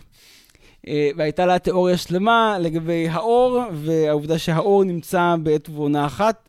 בכל המקומות, ואין דבר כזה מהירות האור, כי הוא בכל מקום. אה, וואי, לגמרי. אור, יש איזה אור אינהרנטי לדברים. צודקת לגמרי. צודקת. Um, נעזוב רגע את הפיזיקה של יונה וולך.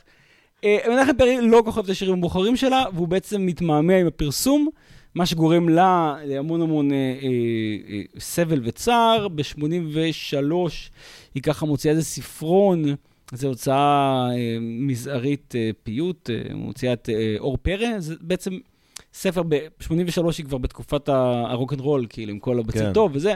ספר של שירים שהם רובם פזמונים, למשל, אני שוב מתאהב, שכולם מכירים, או תותים, או אה, הרבה שירים שבאמת הולחנו. אה, וזהו, ואז יש לך את צורות ומופע. צורות רואה אור בספטמבר 85, שבוע לפני מותה, ומופע רואה אור שבוע אחרי מותה, וזה רוב השירים של יונה וולך. Mm. אז בעצם רוב השירים של יונה וולך פורסמו על ערש דווי, כי כבר היה לו נעים, אז כבר שלף כאילו מהארגזים את השירים האלה ופרסם אותם, אבל השירים שהתפרסמים ב-85 נכתבים גם ב-70. Mm. זה, זה ישב המון המון זמן. אז uh, יש פה איזו בעיה ביבליוגרפית. ואז גם, ומתי היא נפטרה? 85. כי, כי אני חושב ש... ואז אחר כך מוצאים כל מיני, אנשים אולי מכירים כל מיני קולקציות. כן, יש קולקציות, לא הרבה, יש, יש כמה ספרים, אה, לא תודה כמה. תודה נפתחת... אה... כן, זה מבחר. זה כן. מבחר שכאילו ערכה הלית ישורון.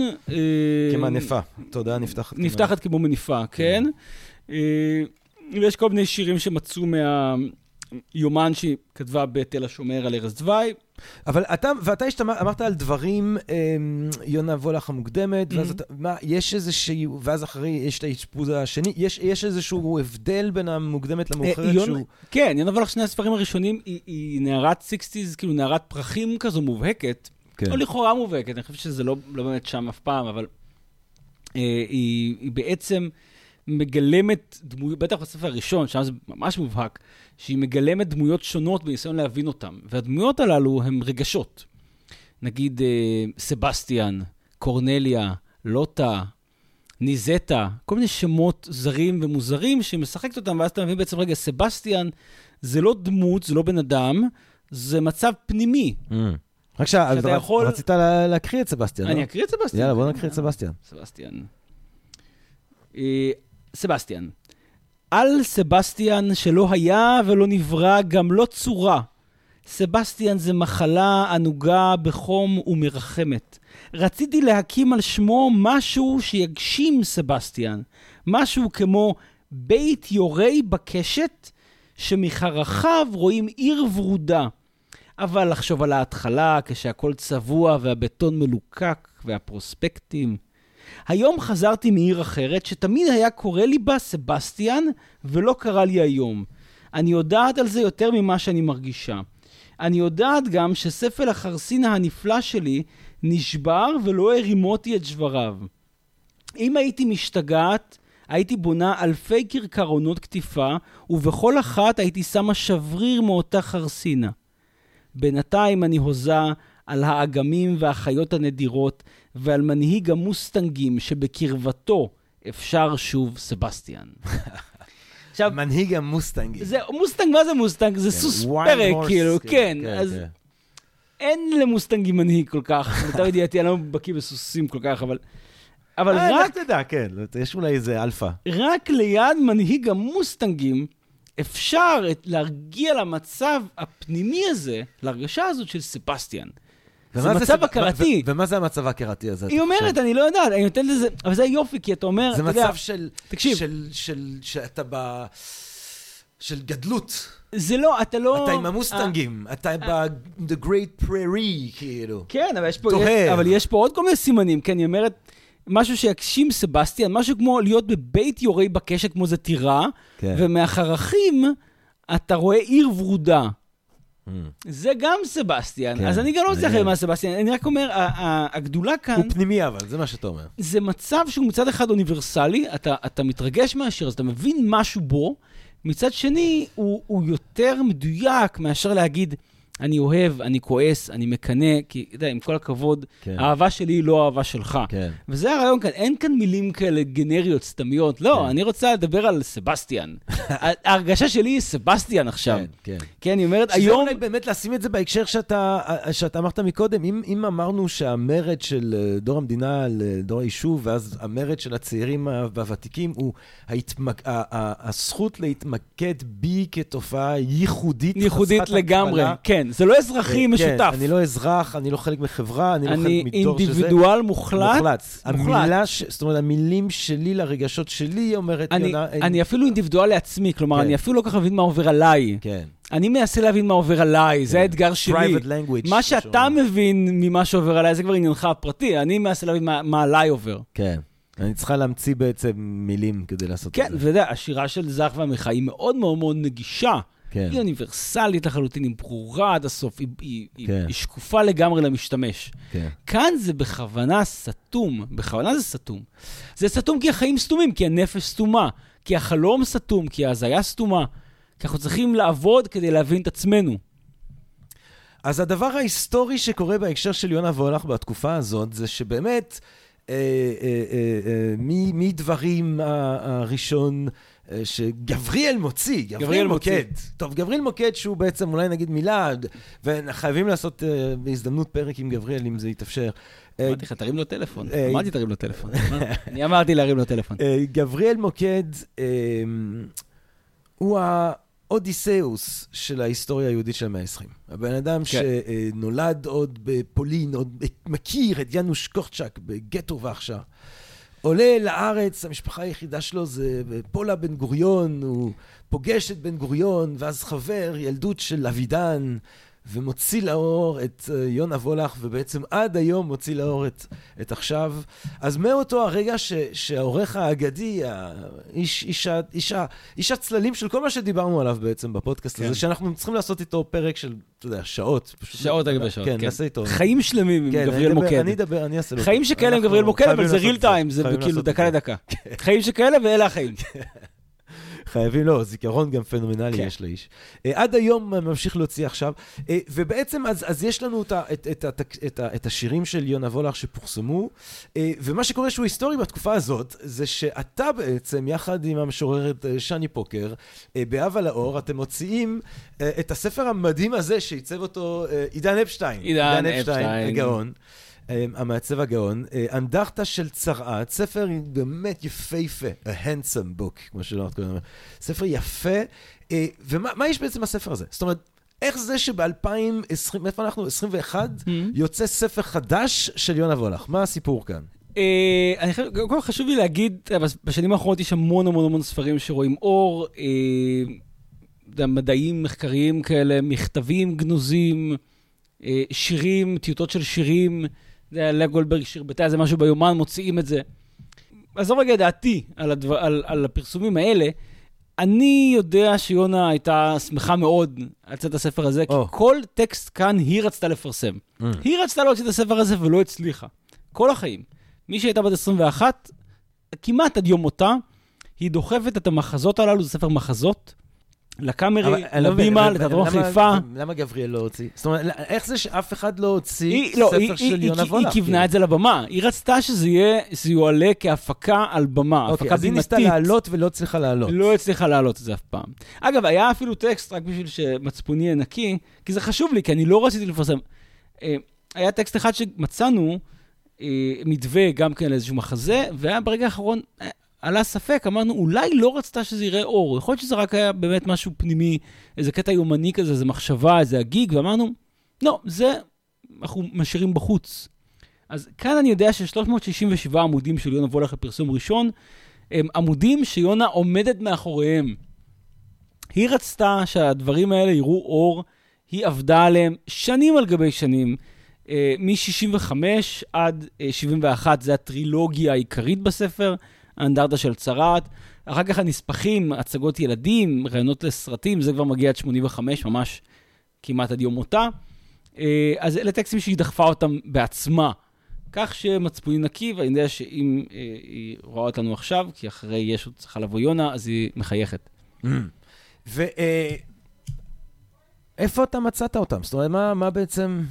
לא- אני עדיין פשוט קצת בהלם שזה לא יצא, כאילו, אתה יודע, אנשים מוצאים, אתה יודע, זה למכור את העותקים, אתה יודע, אתה מוציא, זה מוכר, אני לא מבין למה, איך יש אה, כזה דבר, איפה זה מסתובב שזה לא יוצא? אני אגיד את זה כי אתה כאילו בכל זאת איש אקדמיה, אה. אז אני אגיד כאילו, אתה, תראה, חוקרי ספרות באמת זה העם העצלן בתבל, mm. בתבל, ספציפית היסטוריונים של ספרות. כאילו, היסטוריון של ספרות בימינו הוא אדם שלא רואה, לא יודע מה זה ארכיון. הדבר האחרון שמעניין זה ארכיון. אז יש המון המון... דוקטורטים שנכתבים על יונה וולך בהקשר של אה, לקניאני ובניתוח של אה, דלז וגבוטרי, אבל ללכת ולפשפש בארכיון זה פחות כאילו נהוג היום. אה, והאמת שגם מעבר לסלידה שלי מהאקדמיה הישראלית ומהחוגים לספרות בפרט, אל תריב, אל תריב. יש גם, לא, יש גם, יש גם סיבה אה, אה, ריאלית.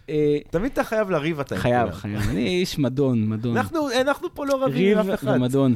לא, תראו, האמת היא שזה היה פשוט מפוזר בארכיונים ברחבי הארץ, ויותר גרוע ממפוזר, זה היה בבלגן איום ונורא. כלומר, אתה מגיע לארכיון, ויש לך נגיד 30 עמודים מקור, ועוד 100 עמודים צילום, ואין שום סדר, לא בין המחזות ולא בתוך המחזה עצמו.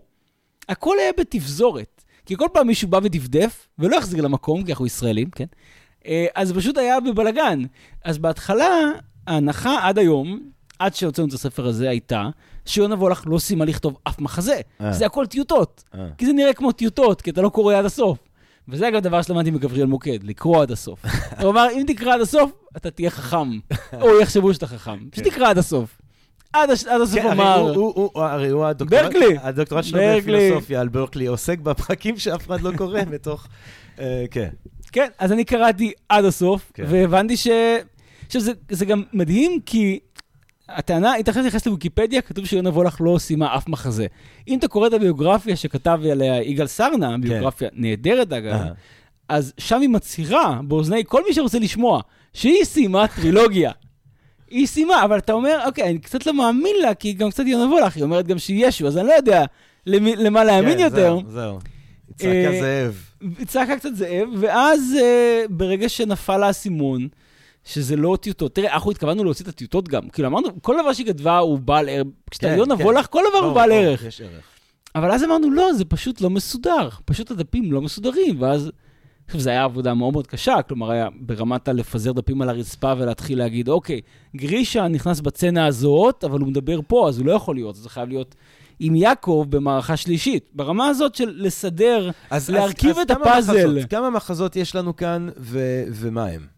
בעצם הספר, עיקר הספר אה, זה אנדרטה של צרעת, זה טרילוגיה של מחזות, שהיא כותבת בין אה, 67 ל-71, ומתרחשת בין 65 ל-67, והטרילוגיה הזאת, הגיב, הגיבורים הראשיים הם יונה וולך, כי זו טרילוגיה אוטוביוגרפית עד הסוף, אה, ומי שהיה ארוסה בגיל 21, שזה דמות מסתורית ומרתקת, הדמות שלו מרתקת במיוחד כשאתה קורא את המחזות. אה?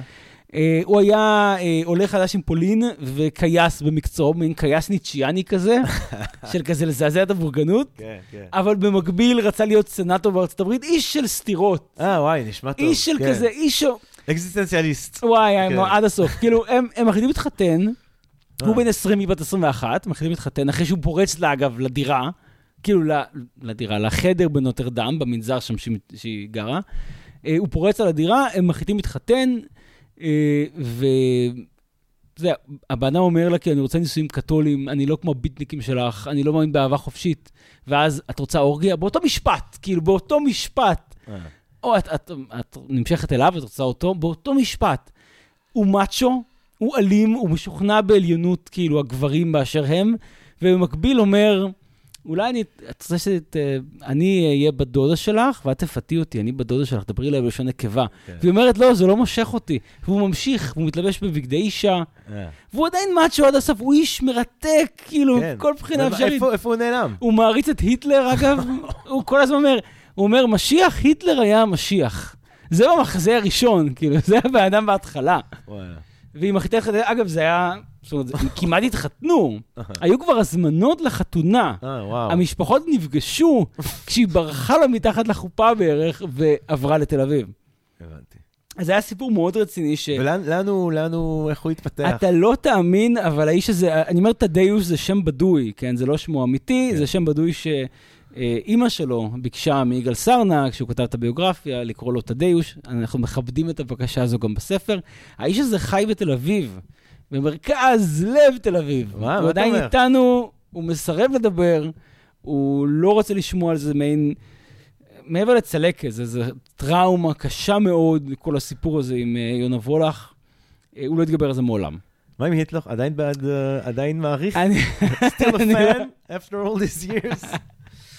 טוב, דש לתדאוס, אם אתה שומע, תדאוס. אני, כן, אני אמסור לו, אני אמסור לו. אולי הוא שומע לפודקאסט, אולי מאזין לפודקאסט. יכול להיות שהוא מאזין לפודקאסט, כן. דש. דש. אה, זיגאיל. טוב, אמ, זיגאי תדאוס. אה, חס וחס. למה אתה קורא לו תדאוס? תדאיוש. אה, פולני. כן, כן, בסדר. פולני, פולני. לא, כן, אני קורא לו באנגלית. Mm. אמ, אז יש לנו את האנדרטה של צרעת. הטרילוגיה הזאת, שמה, אז שם בעצם היא מספרת את כל הסיפורים על אה, שאתה, שאתה מספר לנו עכשיו, זה הדמויות בעצם, זה, זה הזוגיות שלה עם התדאוש הזה. זה, ו... זה האקס המיתולוגי, מה שנקרא. זאת אומרת, כן. זה, זה הסיפור הגדול ביותר. אה, וגם, אה, מעבר לעובדה שהדמות שלו מרתקת, ובאמת הדמות שלו מרתקת, אתה מבין את הפסינציה. כן. כאילו, זה בן אדם שאי אפשר לפענח אותו אף פעם. כן. הוא גם... באמת נסטי, הוא מגעיל, הוא מרביץ לו, הוא מכה אותה. זו מערכת יחסים מתעללת. הוא לא, כולא אותה בחדר. כן. ובמקביל... טוב עשתה שהיא, כל הכבוד, יונה, וואי. במקביל, מצטט לפרוסט, והוא עדין, והוא רגיש, והוא מרתק, כן, זה דמות מרתקת. אתה יודע מה? נראה לי אני לוקח חזרה את הדש. אוקיי, כן. בלי דש. תדעו שאם אתה שומע אותנו בלי דש. אבל הגיבורה, הכוונה המעניינת עבורנו, כי עם כל הכבוד לתדאוש סמך, אנחנו לא מכירים אותו, זו יונה וולך, היא מתארת כאן איך אדם נהיה יונה וולך. אמרתי קודם שיש איזה רגע שהיא טורקת את הדלת על החיים. היא אומרת, כן. אני לא אחיה חיים רגילים. בגיל 21 זה עוד לא קורה. הדלת עוד קצת פתוחה. והיא מתארת, זה בעצם דיוקן האמן כאיש צעיר, כן? כן, כן. דיוקן האמנית הגדולה כאישה צעירה. מה היא חובה, מה הופך אותה ליונה וולך, ובעיקר מה שהופך אותה ליונה וולך זה תדאוש. אתה יודע, אנחנו מדברים על uh, חילופי מגדר, זה אחד מהסימני ההיכר המובהקים של שירת יונה וולך, כן. כמובן. זה, זה מתחיל ממנו, זה לא כן. לא בא ממנה. כן. הוא מבקש את זה, היא לא מעוניינת בכלל. כן. כל השירים האלה כמו "אתה חברה שלי", "אתה חברה שלי" זה תדאוס סמך. כן. תותים, כן? תותים מהחמישה קאמרית, מי שמכיר כמובן, תותים המפורסם, אה, אה, עם תות שדה, אה, אה, תותים, תותים, מי רוצה תותים, ובסוף החוטים עולים ומורידים אותה ישר על הזין שלי. זה סיפור שהיא מספרת את הדשא במחזה השני. כן. אה, אה, איזושהי פנטזיה מינית. אה, לעולם לא אשמע את קולו המתוק של אלוהים, גם כן, הכל מופיע כאן, זאת אומרת, זה מרתק לראות איך שירים שנכתבו גם בשנות ה-80, כן. עדיין מתייחסים לדמות הזאת. אתה יודע, יש לה ועדיין שיר... ועדיין לפרץ היצירתיות של התקופה ההיא בחייה. כן, כן. ל, ל, ל, לא רק לפרץ היצירתיות, זה גם, אני חושב שזה הרגע המכונן הזה שלה בתור... אתה יודע, בתור עצמה, בתור כן, אדם צעיר, יצירה, כאילו, כולנו חוזרים לגיל 21-2. הרגע שבו היא יוצרת את עצמה בעצם. בדיוק, היא מולידה את עצמה. כאילו. מולידה את עצמה, והוא עוזר לה. כאילו, אמרתי קודם שהוא, מערכת יחסים מתעללת, והוא מרביץ לה, ודברים איומים, באמת איומים. אבל במקביל הוא גם מלמד אותה מה הערך שלה. אתה יודע, יש איזה רגע בהתחלה שהוא כאילו אומר לה, תקשיבי, את, הבחורים שהיית עד עכשיו, את לא רצית אותם. זה נקרא אונס, את לא רצית אותם באמת. Mm. ואת צריכה לשכב אך ורק עם מי שאת רוצה, mm. לא מתי שאומרים לך. ואת תיכנסי להיריון רק מתי שאת רוצה להיכנס להיריון. והיא אומרת, לא, מה אני, מה אני שווה? ואז הוא אומר לה, לא, לא, תקשיבי, את נערת החלומות של הבחורים האלה, שצועקים לך ברחוב, את לא מושגת עבורם. Mm. הוא מעלה את הערך שלה והוא גם מכיר בעליונות שלה בתור משוררת. כי עוד פעם, בגיל 21, אתה יודע, הם שניהם אלמונים. יש איזה מימד הסגברתי. אה, זהו, נפלתי לשם. לא. אה, תדאוש. אה, בוודאי. תדאוש. בוודאי, כן. בוודאי, בוודאי, כן. אה, אבל זה מרתק לראות מהמחזה כן. הראשון עד השלישי, כלומר מ-65 עד 67, איזה מעבר, איזה מהפך חל בחיים של אדם. יואו, בטח שמחליט להיות ישו החדש. יישוב תיאטרון, יישוב הצגות, uh, עכשיו הדבר הזה יעלה, זה חייב לעלות. זה חייב לעלות, כן. אני, אני מאמין שזה יעלה. תקשיב, המחזה הראשון, אה, אני ממש רואה את זה על במה, המחזה השלישי הוא מורכב הפקתית, אבל הקאמרי, אם אתם מאזינים, המחזה השלישי, mm. יש פה המון המון חומרים לבוא איתם. אז בעצם זה, זה מה שיש בספר, יש את שלושת המחזות uh, של כן, ואחר כך יש בנספחים, תסכיתים לרדיו שהיא כתבה, הצגות לילדים שהיא התחילה לכתוב, כל מיני נספחים כאלה. והבית משוגרים שהתחלת לקרוא. כן, שזה עוד אחד מהמתווים האלה שהיא לא סיימה אף פעם. וזה עמד להיות מה? מחזה, פשוט לא סיימה לכתוב אותו. הבנתי. כן. אגב, היא לא סיימה לכתוב אותו כי היא פגשה את הדאוש. זאת אומרת, היא התחילה לעבוד על זה אה, כשהיא פגשה אותו. היא כתבה את זה עוד לפני. כן. ואז כמה שנים אחר כך היא מפרסמת את השיר LSD. אה, וואי, שנים אחר כך. בוא'נה, מדהים. זה התפרסם בסדר ב-85. מדהים. תקשיב, אתה קורא את המחזות ואתה אומר, כמעט כל שיר של יונה וולך, מדהים. יש כאן שורה, מילה מפה. הגיוטינה האדומה, היא חווה אותה בתחילה, באמצע שנות ה-60. 65, והיא כותבת את זה... והיא כותבת אותה אולי בשנות ה-80. כן. כן. מדהים. מטורף. תקשיב, היא כותבת 20 שנה אחר כך, כן. היא כותבת שיר נקרא על מקרה אהבה, והיא כותבת שם על פולני מריר הדן עצמו למוות, כן? היא כותבת על תדאוש, עדיין כן. כותבת על תדאוש. אתה דיברת על, ה, על הרעיון הזה עם uh, מאיר שלו. זה יפה איך שנשארים uh, צעירים בעצם, אה?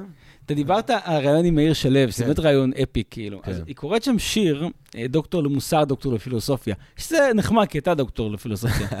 אה, אז היא קוראת דוקטור למוסר, דוקטור לפילוסופיה, והקהל נכון, נורא נהנה, כאילו, וחושב שזה נורא מצחיק, ואז מאיר שלו אומר, מה, את מכירה דוקטור לפילוסופיה? והיא אומרת, לא, לא, זה נכתב על... אה, חבר שלי מפעם שהיה קייס מקצועי, וכולם צוחקים, אבל לא, היא מתכוונת לתדאוש. תדאוש היה כייס מקצועי, הוא גנב לפרנסתו, ודוקטור למוסר, דוקטור לפילוסופיה, זה עליו. זה קצת הבלייק של אימי ויינהאוס. הבלייק של אמי ויינהאוס. יש לה את הבחור הזה, המכור לסמים, כן, כן. לא שהיא מאופנטת על ידה, והיא כותבת רק עליו את כל השירים, כי הוא עזב אותה. אחד לאחד. והוא לא שם אותה על הרואין, ואז היא הולכת, בסוף היא כן הולכת ל... אה, איך קוראים לזה? rehab. איך קוראים לזה? אימי ויינהאוס, איך קוראים לזה, גבירותיי ורבותיי? איך קוראים לדבר הזה שאתה הולך אליו להיגמל? הוא בא שם להגיד, כאילו, יש את הדמויות, את ה... אתה יודע, homme fatal, שכן. כאילו, זה חור שחור כן. על מסיבי במרכז הגלקסיה, יונה וולך. מעניין. חור שחור. הוא שואב אותה עוד פעם ועוד פעם. ואיך היא מדהימה שם? איך היא מדהימה ברעיון הזה? השיער הזה של המבט הזה של ה... תקשיב, היא מצחיקה. היא, היא חריפה, היא עוצמתית. חריפה, עוצמתית, אבל כן. היא שרפ, זה מרתק לראות, זה היא שרפ, כן, כאילו. כן. היא, היא מאפנת את הקהל, היא גם מקריאה מדהים, מדהים. היא קוראת מדהים. נכון. אתה יודע, דיברנו על שני פוקר שערכה איתי יחד את הספר שהיא גם קוראת מדהים, אבל... שני פוקר קוראת, שני פוקר קוראת מדהים, פנטסטי. מדהים, מי שלא שמע את שני פוקר... יונה שם, יונה מן הסתם בהתרגשות שיא. כן. אתה יודע, היא לא כל יום בטלוויזיה, ב, בתקופה שיש רק ערוץ אחד בטלוויזיה וכולם רואים טלוויזיה, בפריים טיים טיווי, כן. והיא מקריאה שיר חדש, נועז, ביזארי, כמו דוקטור למוסר, דוקטור לפילוסופיה, כן, זה שיר נורא מוזר עד היום. והיא עושה את זה, באמת, כל ביטניק היה מקנא, היה חול קנאה כן. בהקראה הזאת. לא, מדויק, עד הסוף, כריזמה מתפרצת, אתה מבין את זה. קוסמית, כן. אתה מיד מבין למה כל אחד שאי פעם פגש אותה זוכר את זה, כי זה באמת אולי בו. חלק, זה באמת חלק מהעניין, השירה כפורמט שהוא לא רק כתוב, הוא גם מוקרא. זאת אומרת, יונה, יונה וולך הסתובבה והקריאה שירים. אה, אה, בתל אביב, בכל הארץ, אתה יודע, היא הלכה והנכיחה את הדבר, את האומנות הזאת בהקראה. יש, יש קטע מאוד יפה גם ביוטיוב, אגב, מי שרוצה לראות, זה אחד הקטעים המהפנטים, שהיא מופיעה באיזה מתנס, כאילו, משהו ממש, lowest of the low, כאילו. אה, ואז היא מציגה את ה-band members, כאילו, היא אומרת, אה, זה המתופף, זה משה, וזה הגיטריסט, זה יהודה, ואז היא אומרת, ואני יונה, ואני כתבתי את כל המילים. Mm. את כל המילים. היא אומרת את זה בחיוך, כאילו, אני כתבתי את כל המילים. לא את המילים, את כל המילים. את כל המילים. אני כתבתי, אני יונה ואני כתבתי את כל המילים. אני יונה ואני כתבתי את כל המילים. גבירותיי ורבותיי, יונה וולך, אנדכתה של צרעת, כל המחזות. אה, עכשיו אה, באתר של אב על האור, אפשר פשוט ללכת לאתר של אב על האור, ספר יפהפה, ספר מדהים, עם... אפילו רק ממה שהקראת, אה, כל הרוח הפועמת שלנו, אתה מרגיש את זה פה בין, ה, בין השורות, בתוך השורות, בין המילים, על המילים. ולא לשכוח, כי הוא משום מה לא מדבר על זה, מסתבר בפודקאסט, אז uh, באותו עמוד של 아, כן. אבל אבא, תל אביב עם מים, ועוד מחשבות חוף ימיות. נכון מאוד. Uh, עודד כרמלי. ג'רמי פוגל. תודה רבה לך, עודד כרמלי. היינו יכולים להמשיך, ואולי אנחנו צריכים לעשות עוד פרקים על עוד מהחברים האלה. קדימה. Uh, תודה רבה לך, כרמלי. אתה שמח, אתה שימחת אותנו. שימחת אותנו מאוד. הרמנו, הרמת כאן את הרוח היום. תודה רבה לג'רמי פוגל. השכן, כועס, השכן כועס. זה זמן לסיים את הפודקאסט. אז זה הזמן לסיים את הפודקאסט, גבירותיי ורבותיי. השכן אה, צלצל כן. בפעמון, נגמר. ככה זה בכל הפודקאסטים המקצועיים ביותר. לא דיברנו, אנחנו מדברים חזק? אנחנו, לא, מה? מה השעה? אה, טוב, גבירותיי ורבותיי, תודה רבה לכם אה, על ההאזנה, אני מקווה שאתם בטוב. תודה לשכן שהאזין לא, לפודקאסט. שנייה, אני חייב לסיים את זה. אמ, גבירותיי ורבותיי, תודה רבה לכם אה, על ההאזנה, אני מקווה שנהנתם מהפרק הזה. מהפחקים שכבר הקלטנו, מאלה שעוד בעזרת השם נקליט כאן בפודקאסט של Think and Ring Different. עודד קרמלי, תודה רבה לך. אנדכתה של צערת, אנדכתה של צרעת בעמוד של אב על האור. אה, אני מקווה שאתם בטוב, אה, ואני מקווה מאוד אה, שנשתמע, אז נשתמע. פודקאסט, פודקאסט, פודקאסט.